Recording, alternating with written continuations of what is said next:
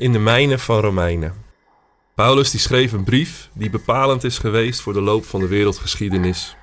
Een brief die ook wel de kathedraal van het christelijk geloof wordt genoemd. Een brief die erom vraagt om gelezen en herlezen te worden. Een brief waar je schatten in kan opdelven, waar je in kan graven en waar je in kan zoeken. Een brief van Paulus, speciaal voor jou.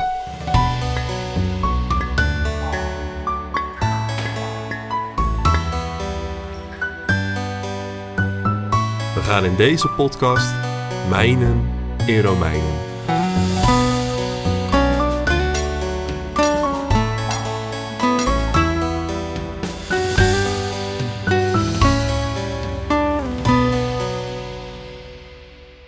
In de vorige aflevering zagen we hoe de wet een undercover functie heeft in de heilshistorie. Vandaag pakken we de draad op en lezen we uit Romeinen 7 vanaf vers 7 tot vers 12. Moeten we nu vaststellen dat de wet hetzelfde is als de zonde? Absoluut niet. Ik ben me echter pas door de wet bewust geworden van de zonde. Ik zou immers niet weten wat begeerte was als de wet niet zei: zet uw zinnen niet op wat van een ander is. Maar de zonde heeft van het gebod gebruik gemaakt om begeerte in mij op te wekken, want zonder de wet is de zonde krachteloos. Eens leefde ik zonder de wet, maar door de komst van het gebod kwam de zonde tot leven, en daardoor stierf ik. Het gebod dat tot leven had moeten leiden, bleek juist tot mijn dood te leiden. De zonde heeft gebruik gemaakt van het gebod. Ze heeft mij misleid en mij door het gebod gedood. Kortom, de wet zelf is heilig en de geboden zijn heilig, rechtvaardig en goed.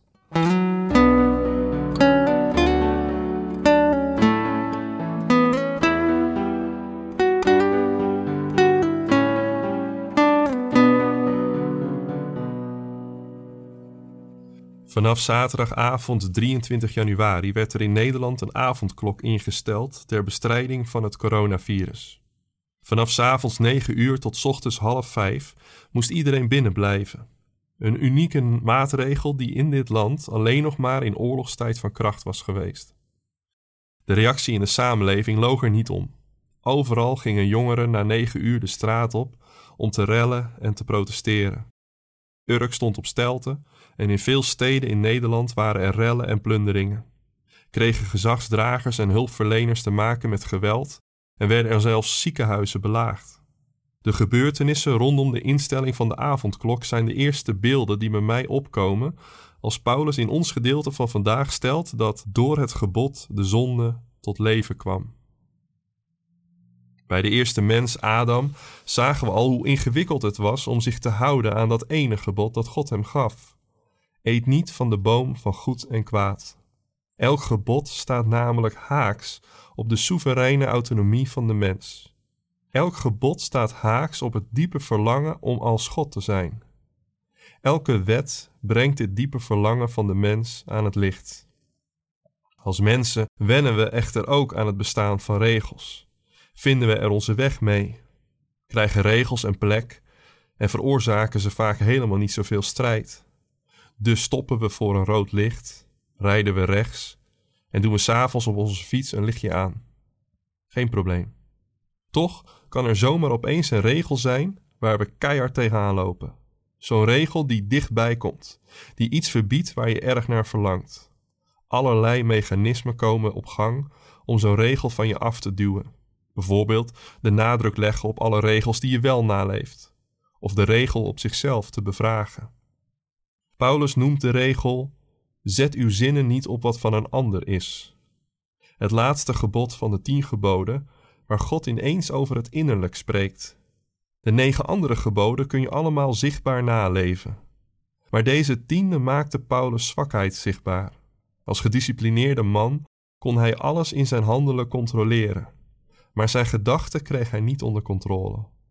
Waar hij zich eerst als het ware veilig waande, leerde hij door dit tiende gebod de wet kennen. En zegt hij: Door het gebod kwam de zonde tot leven en daardoor stierf ik. Opeens besefte Paulus dat de weg die hij bewandelde niet tot het leven leidde, maar tot de dood. Ik denk dat we allemaal wel zo'n Achilleshiel hebben. Zo'n regel waar we tegenaan lopen en die onze zwakheid zichtbaar maakt in het streven naar het goede, in het doen wat God van ons vraagt. Misschien is het voor jou ook wel het tiende gebod om niet jaloers te zijn op je naaste of worstel je met hele andere dingen die je liever niet in je leven had gezien. De wet wijst genadeloos aan waar we tekortschieten en op welk gebied we van ons leven dus als God willen zijn. Dit zegt echter niets over de wet op zichzelf. De wet op zichzelf is heilig, goed en rechtvaardig, zegt Paulus.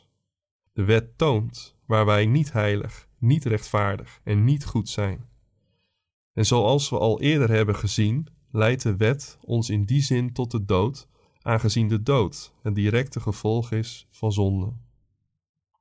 Vele jongeren trokken de straat op bij de instelling van de avondklok. Jongeren die zonder avondklok waarschijnlijk gewoon lekker binnen waren gebleven in januari. Maar nu wakkerde de regel de overtreding aan. Paulus kende een momentum waarin hij inzag hoe de wet voor hem tot leven kwam. Hoe hij opeens zag waar hij de boot miste. Het is verontrustend als je dat besef opeens hebt en je begrijpt waar het bij je misgaat. Het is verontrustend, maar helend. Het is een leren kennen van jezelf, waarna je opnieuw God kan leren kennen. Het is de weg die ik je van harte gun, zodat je net zoals Paulus de kracht zult leren herkennen van het nieuwe leven door de geest.